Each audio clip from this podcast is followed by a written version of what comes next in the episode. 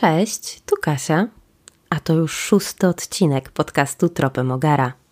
Dzisiaj chciałabym poopowiadać trochę o psich potrzebach, bo tak jak często mówię, życie z psem to nie jest tylko napełnianie miski i kilka spacerów na sikup dookoła bloku czy domu, ogrodu. Życie z psem to fascynująca przygoda, którą warto rozwijać i której można się zatracić. Nasi czworonożni przyjaciele są bardzo złożonymi istotami. To nie jest tak, że rzucimy psu gryzak i wszystko będzie ok, załatwione. Decydując się na psa, musimy wiedzieć, że to jest naprawdę spory obowiązek i tak naprawdę to, że trzeba wychodzić na spacer niezależnie od pogody, to jest kropla w morzu tych potrzeb naszego psa. Chciałabym dzisiaj powiedzieć o ośmiu takich podstawowych potrzebach psa. Połowa z nich to tak zwane potrzeby nieelastyczne, czyli takie, które absolutnie muszą być zaspokojone, a druga połowa to potrzeby elastyczne, czyli jeżeli przez chwilę nie, nie są zaspokajane, no to generalnie świat się nie skończy, ale żeby mieć tak naprawdę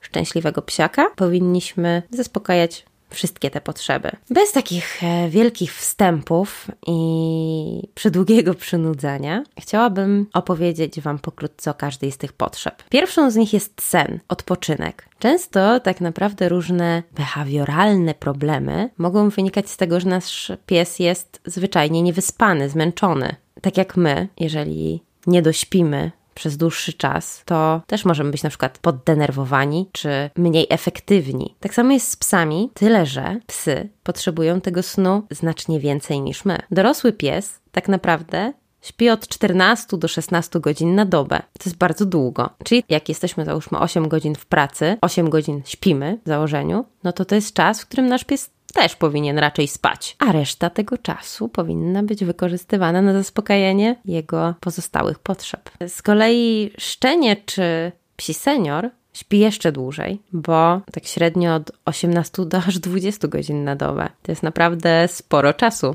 Czasami tak zatracając się w tym aktywowaniu naszego psa i w tym urozmaicaniu jego życia, o tej potrzebie snu możemy trochę zapomnieć i tak naprawdę wpaść w taki zaklęty krąg niepowodzeń. Warto pamiętać o tym, że nasz pies musi się wyspać. Warto mu stworzyć do tego odpowiednią przestrzeń, czyli miejsce, w którym nasz psiak wie, że nikt mu nie będzie przeszkadzał, że on nie musi czuwać nad wszystkim, e, tylko po prostu się relaksuje, zapada w głęboki sen i ma wszystko w nosie. Tutaj bardzo pomocna może być na przykład klatka kennelowa, jeżeli nauczymy psiaka, że to jest miejsce, w którym mu nie przeszkadzamy, niczego od niego nie chcemy i tak dalej, i tak dalej. No ale nie każdy ma przestrzeń na przykład na klatkę kennelową, więc tutaj można sobie różnie radzić. Niektórzy na przykład zostawiają swoje psiaki w sypialni, e, żeby, żeby sobie pospały, wyspały się, czy, czy po prostu ustawiają w odpowiednim miejscu legowisko, czyli nie na naszym szlaku komunikacyjnym w mieszkaniu, tylko gdzieś na uboczu, gdzie, gdzie psiak się po prostu resetuje i oddaje chilloutowi. I sen właśnie należy do tych potrzeb nieelastycznych. Musi być ta potrzeba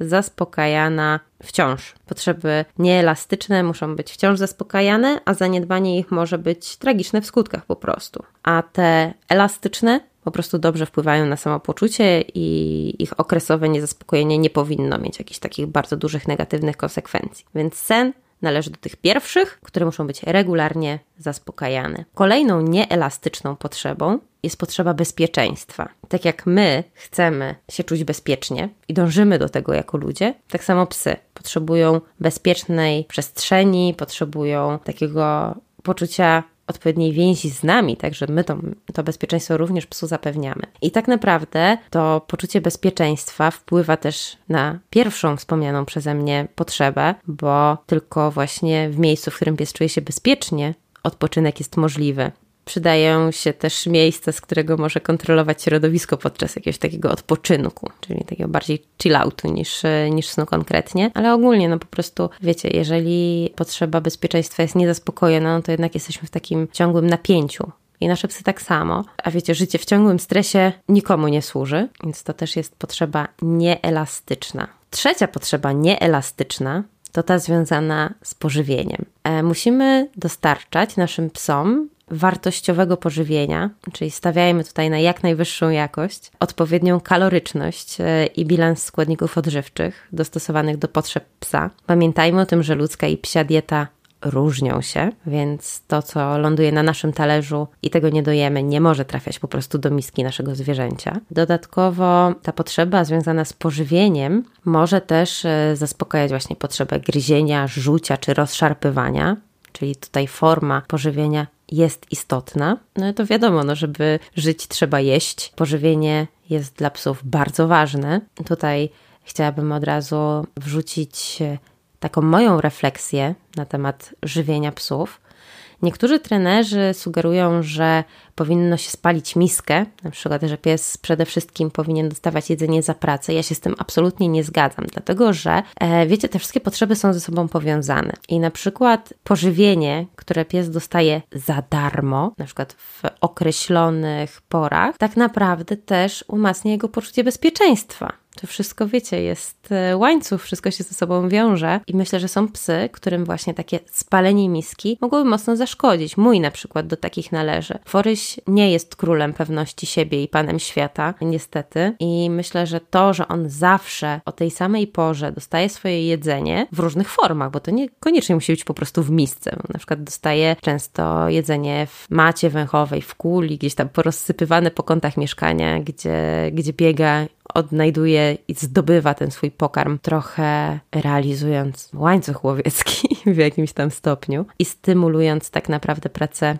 głowy. No ale w każdym razie to pożywienie jest dla psa bardzo ważne. Musimy dobrze nasze pieski karmić, bo tak naprawdę oszczędzanie na karmie może nam się mocno odbić później e, na wizytach u lekarza weterynarii, więc lepiej zapobiegać niż leczyć. E, jak to mówią, profilaktyka jest super ważna. Dawajmy naszym psiakom to, co najlepsze. W ramach naszych możliwości, w ogóle tutaj wiecie, ja obserwuję teraz wzrosty karm, pewnie związane z inflacją. Jest w ogóle, wiecie, wszystko y, jest y, jakby takim zespołem naczyń powiązanych, połączonych i to, co się dzieje gospodarczo w tym momencie w naszym kraju, wpływa na każdy aspekt naszego życia i wzrost cen karm jest bardzo duży. My oczywiście utrzymujemy karmę, którą Foryś je, ale zastanawiam się czasami, czy jak to tak będzie dalej rosło, to czy na przykład ludzie nie zaczną sięgać po, no niestety, gorsze rozwiązania i propozycje, bo tutaj, wiecie, chyba tak 20-30%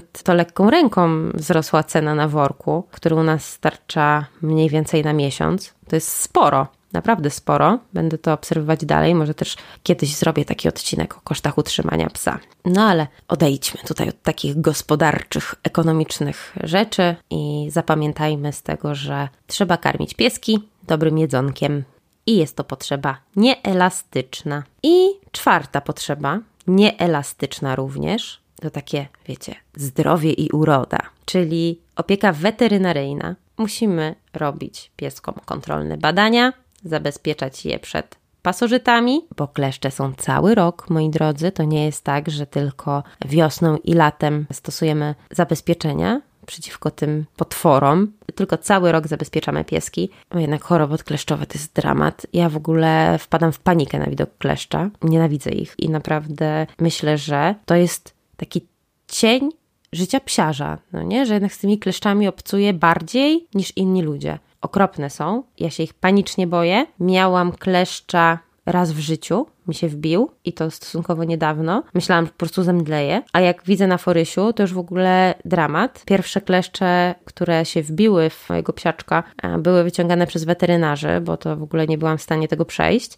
I teraz też sama nie wyjmuję, raczej e, zajmuje się tym Michał. Mm, zawsze się boję, że coś zrobię nie tak, że coś zostanie. Masakra. Takie małe kówna, tyle po prostu stresu mm, przysparza. No ale jeszcze do tej opieki weterynaryjnej, bo oczywiście lecę w dygresję. Jestem człowiekiem dygresją generalnie. Popracuję nad tym w tym roku. Będę tak dodawać w każdym odcinku, bo jakieś postanowienie noworoczne. E, wracając do tej opieki weterynaryjnej, no to tutaj e, w razie potrzeby leki. Generalnie stała taka obserwacja i konsultacje z lekarzem weterynarii, bo tutaj też trzeba pamiętać o tym, że pieski nie powiedzą nam: hej, słuchaj, boli mnie brzuch, albo łapka, albo coś tam, tylko bardzo długo będą ukrywać też e, różne dolegliwości i kiedy my już zauważamy te dolegliwości, to znaczy, że już nie jest za dobrze, że już trudno to ukrywać, tak? I tutaj jednak każda zmiana zachowania, sposobu poruszania się i tak dalej, no to powinna budzić u nas lampkę i naprawdę chyba lepiej o trzy razy za dużo iść do lekarza weterynarii niż o jeden raz za mało. Ja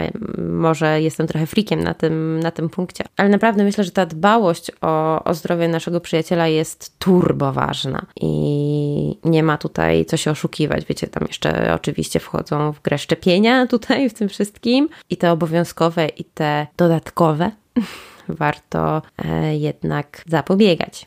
Sami też się przecież szczepimy przeciwko różnym chorobom, więc e, nasze pieski też szczepmy, też obserwujmy, kontrolujmy.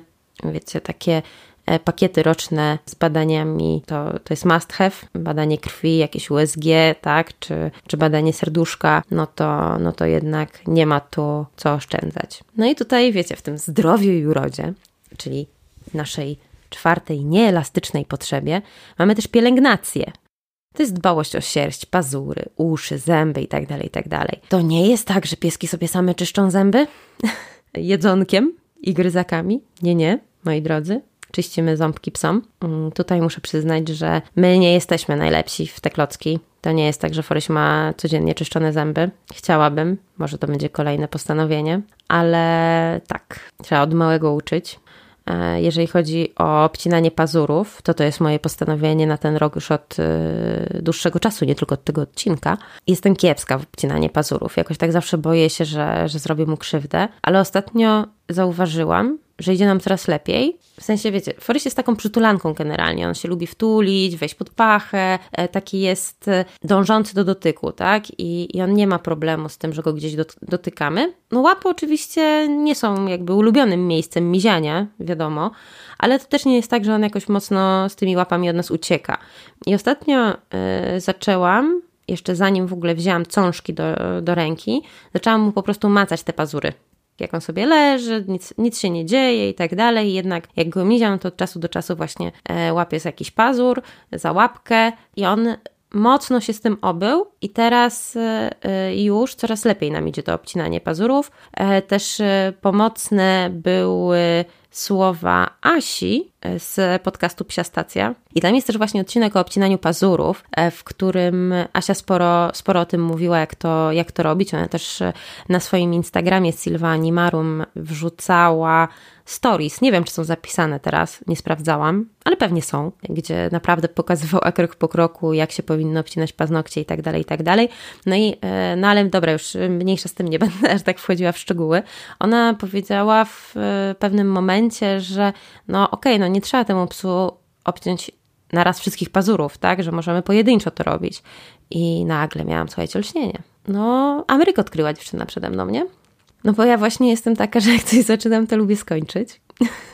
E, I ja się frustrowałam, że nie mogę tych wszystkich paznokci obciąć, mm, bo już tutaj się Foryś frustruje i tak dalej. I nagle, serio, takie proste zdanie otworzyło przed mną nowy świat. Nie muszę obciąć wszystkich pazurów naraz. I kiedy już to skumałam, to naprawdę jest lepiej. Ja też Forysia nigdy nie biorę z zaskoczenia z tymi cążkami, tylko biorę cążki, pokazuję mu je, mówię, słuchaj, będę ci obcinać pazury. I dam jeszcze ręką, bo dotykam łapki i mówię, się go pytam, jak gdyby, czy mogę tego obciąć, tak? No i Foryś czasem da obciąć jednego, czasem trzy, czasem cztery, Czasem nie chce w ogóle i pójdzie do klatki, wtedy daje mu spokój. No i tak naprawdę dzięki takiej współpracy już jest coraz lepiej. Niedługo może zacznę obcinać według instrukcji Asi, żeby ta macierz się cofała. Ale to jeszcze przede mną. Nie od razu Kraków zbudowano. Zobaczymy. No, dbałość o sierść, no to wiadomo, e, wyczesywanie. No każdy, e, każdy mm, pies może mieć tam inne potrzeby, tak? E, akurat sierściogara nie jest mocno wymagająca, więc tutaj jest kwestia wyczesywania bo ogary generalnie mają taką sierść, że dopóki ona jest na psie, to ona jest naprawdę bezproblemowa, no nie? Problem polega na tym, że to jest bardzo wyjątkowa rasa, która linieje raz w roku, od stycznia do grudnia i po prostu trzeba więcej się naganiać z odkurzaczem tak naprawdę niż za szczotką do wyczesywania. No ale no, już to już taka moja bolączka. Nie ma co narzekać. Zawsze mogłam mieć pudla i ta pielęgnacja byłaby bardziej wymagająca. Tutaj jest e, ok. no wiecie, tutaj sprawdzamy oczka, czy tam nic nie ropieje, sprawdzamy uszy, czy są czyste i tam się nic nie zbiera. Jeżeli coś nas niepokoi, to szybciutko łapiemy za telefon, umawiamy się do lekarza weterynarii, sprawdzamy ze specjalistą, bo nie musimy się znać na wszystkim. I po to mamy tych wspaniałych lekarzy, żeby nam pomagali zachować zdrowie naszych psiaków. I to tyle, jeżeli chodzi o potrzeby nieelastyczne. Teraz przejdziemy do czterech potrzeb elastycznych, czyli takich, które jeżeli okresowo nie będą w 100% zaspokojone, no to świat się nie zawali, ale jednak no, wpływają na dobre samopoczucie naszych psów. A jednak, za, wiecie, posiadanie psa to z jednej strony obowiązek, a z drugiej strony nie. To znaczy, co mam przez to na myśli? Nikt nas nie zmusza do posiadania psa. Jeżeli się na to decydujemy, no to z całym, wiecie, dobrodziejstwem inwentarza. I jeżeli już tego psa zapraszamy do naszego domu, skazujemy na życie z nami, bo on sobie się do nas nie pchał, tak? No to dbajmy o niego i róbmy wszystko, żeby to jego życie było jak najbardziej szczęśliwe, przyjemne i miłe. Tak naprawdę to jest nasz przyjaciel, członek rodziny, więc dążymy do tego, żeby jego samopoczucie było jak najlepsze, czyli te potrzeby elastyczne również zaspokajamy regularnie. No tutaj wiecie, chodzi o to, że jeżeli na przykład się rozchorujemy czy coś, no to świat się nie zawali, jeżeli spacer będzie krótszy e, albo coś, coś w ten deseń. No ale jednak dążymy do takiego świata idealnego i, i zaspokajamy wszystkie te potrzeby w miarę naszych możliwości. No i pierwszą taką potrzebą elastyczną, o której chciałam powiedzieć, jest ruch. Pies potrzebuje spacerów, nawet jeśli na przykład ma do dyspozycji duży ogród. Słuchajcie, no nie można zamknąć psa w złotej klatce. I tutaj czasami się właśnie tak pojawia, że ojej, pies w bloku, to, to tak nie ten, no przecież tak to, to on potrzebuje pewnie ogrodu, żeby sobie tam pobiegał. No nie, pies jakoś szczególnie w tym ogrodzie nie pobiega, nie poeksploruje i nie, zapewni, nie, nie zaspokoi swoich potrzeb, bo lubię porównywać ogród do, do dodatkowego pokoju. Wiecie, jeżeli pies wychodzi na spacery, to on traktuje ten ogród naprawdę jak dodatkowy pokój, nawet przestaje się w nim załatwiać, bo to jest jego teren, jego dom, dlatego bierzemy pieski na spacery. I tak naprawdę w ruchu wytwarzają się hormony szczęścia, na przykład serotonina, więc te nasze psy są szczęśliwsze, Psy to są takie maszyny stworzone do ruchu, tak? Ich e, ciało po prostu jest stworzone do biegania. Nawet taka ich anatomiczna budowa, tak? Zupełnie, zupełnie inna niż nasza, ale te połączenia po prostu są inne. Nie to, że, że po prostu mamy inny kształt, tylko, tylko inaczej nasze ciała są zbudowane, więc to jest absolutnie naturalne, że psy potrzebują ruchu. I tutaj, broń Boże, nie chodzi mi o to, że piesek się musi wybiegać, ale o tym to w ogóle powiem kiedy indziej, bo tak, niech sobie pobiega, oczywiście, ale hasło, że musi się wybiegać, zapala po prostu we mnie złość. No ale o tym yy, kiedy indziej. Idziemy do kolejnej potrzeby elastycznej. Praca głową. Słuchajcie, wyzwania umysłowe są mega ważne dla naszych psów. To tak jak i dla nas, tak naprawdę. My się tutaj jakoś szczególnie nie różnimy. Bardzo ważne są wyzwania, na przykład zabawy węchowe, które budują pewność siebie naszych psiaków i zmuszają tutaj szare komórki do współpracy między sobą. I to na przykład opóźnia procesy starzenia się, bo pies stymulowany umysłowo dłużej zachowuje sprawność intelektualną, tak jak ludzie. I, i to jest bardzo ważne, żeby, e, żeby ten nasz pies miał nowe wyzwanie, jakieś zagadki, jakieś urozmaicenia w tym swoim życiu. Polecam bardzo serdecznie. Ja zabawy węchowe uwielbiam, jakieś takie łamigłówki, jakieś takie właśnie zabawki do rozpracowania, że on ma coś wyjąć, że on musi coś przesunąć, żeby coś się otworzyło innego i tak dalej. W ogóle obserwowanie psa, kiedy bawi się taką zabawką, jest na maksa fascynujące, tak jak on to rozkmienia, jak on dochodzi w ogóle do rozwiązania i jak w ogóle się cieszy, że mu się udało. Naprawdę sami sobie tego nie odbierajmy, nie tylko psom tylko, tylko właśnie nawet z takiego egoistycznego punktu widzenia obserwowanie tego jest super. Polecam każdemu. Przejdźmy więc do trzeciej elastycznej potrzeby psów. Jest to zabawa. Psy, tak jak ludzie, wykazują chęć zabawy przez całe życie. Tak jak my, nawet w dorosłym życiu, lubimy sobie wyjść na przykład ze znajomymi się pobawić, tak psy od szczeniaka do seniora też lubią się pobawić. I tak naprawdę zabawa może być dla nich również formą nauki. Podczas zabawy uczą się m.in. polowania, relacji, a nawet walki. To, to na przykład to możemy na przykład u szczeniaczków e, zaobserwować. Wiecie, te ich ganianki na przykład, no to to jest zabawa w pogoń. E, ważne jest tutaj pilnowanie, żeby te psy rzeczywiście się bawiły, a nie walczyły o życie, czyli jakieś tam, wiecie, zamiany ról i tak dalej, i tak dalej, i obserwacja, czy wszyscy uczestnicy się bawią rzeczywiście, a nie, że na przykład uciekający jest w wielkiej panice. To już też w dużej mierze nasza rola, by to ocenić i ewentualnie w jakimś momencie przerwać. Z kolei takie zapasy, no to to też jest właśnie nauka walki, która mam nadzieję nie będzie się tym naszym psiakom przydawać. Ale też to, co jeszcze też chciałabym powiedzieć, to to, że z innymi psami zabawa przychodzi naturalnie. Znaczy, to też miejmy na uwadze fakt, że to nie chodzi o zabawę z psami obcymi, typu idziemy na jakąś polankę, czy do innego psiego parku, e, czy psiego wybiegu i e, puszczamy naszego psa w zgraje w ogóle obcych psów i, i po prostu uważamy, że on się bawi, bo nie. Tam jest zazwyczaj walka o życie, a nie zabawa. Ale tak jak e, ludzie, zobaczcie ile mamy analogii, tak jak ludzie, po prostu psy mają jakichś tam swoich kumpli, z którymi dobrze się czują, którym ufają, z którymi się rozumieją i tutaj zabawa z nimi przychodzi absolutnie naturalnie. Mm, psy potrafią to robić, tak jak już szczeniaczki w miocie się ze sobą bawią. Tak na przykład zabawa z ludźmi to jest coś, czego trzeba się nauczyć. Czyli jak mamy takiego szczeniaczka na przykład, no to nie dziwmy się, że on nie bardzo wie, co ma z nami zrobić tym szarpakiem i tak dalej, i tak dalej. To jest kwestia nauczenia się. Nasza, w tym głowa, żeby tego psa nauczyć zabawy z nami. Foryś w ogóle na początku totalnie nie chciał się z nami bawić. Tak e, nie było to, to dla niego oczywiste i kiedy na przykład wjeżdżał szarpak i chcieliśmy się poprzeciągać, to, to on od razu go puszczał w ogóle, no, no dobra, no chcesz, żebym, no nie wiem, bo to było na zasadzie, wiecie, takiej, aha, no dobra, no to ty jednak chcesz ten szarpak, tak? No to masz, nie? I taki był w ogóle tak, taka środka kochana, no ale z czasem, prawda, już pokazaliśmy mu co i jak, drobnymi kroczkami i ta chęć do zabawy z nami wzrosła. E, także nie ma co się rozczarowywać na początku i zawodzić, że pies się nie chce bawić. Po prostu uczymy tego naszego małego futrzastego ziomeczka.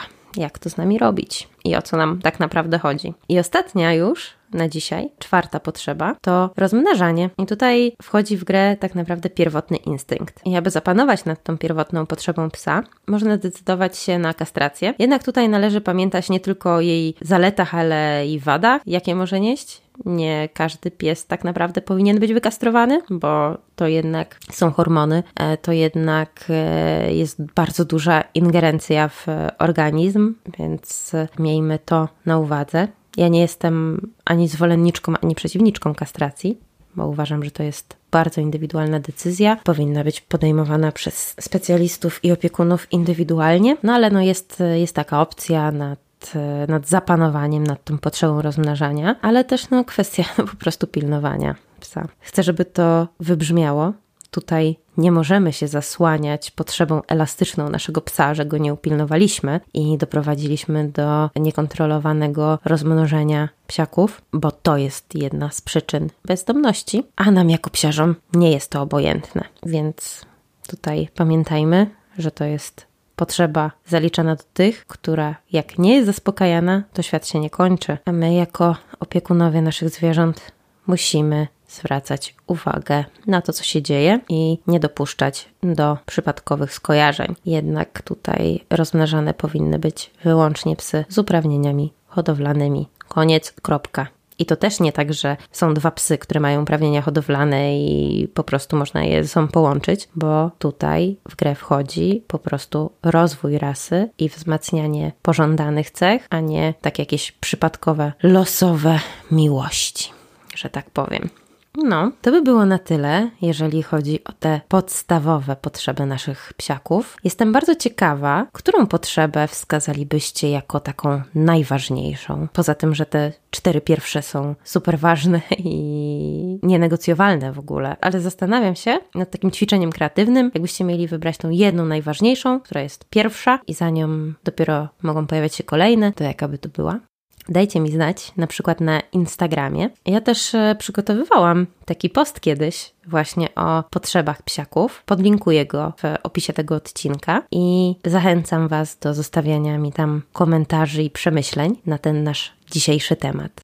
Powtórzę się też, że jeżeli dobrze Wam się mnie słucha i widzicie jakiś potencjał w tym moim podcaście, to bardzo Was proszę, żebyście polecili go chociaż jednej osobie, której też może przypaść do gustu i pomogli mi w rozwijaniu tego mojego projektu. Dodali trochę wiatru w skrzydła. Będzie mi bardzo, bardzo miło.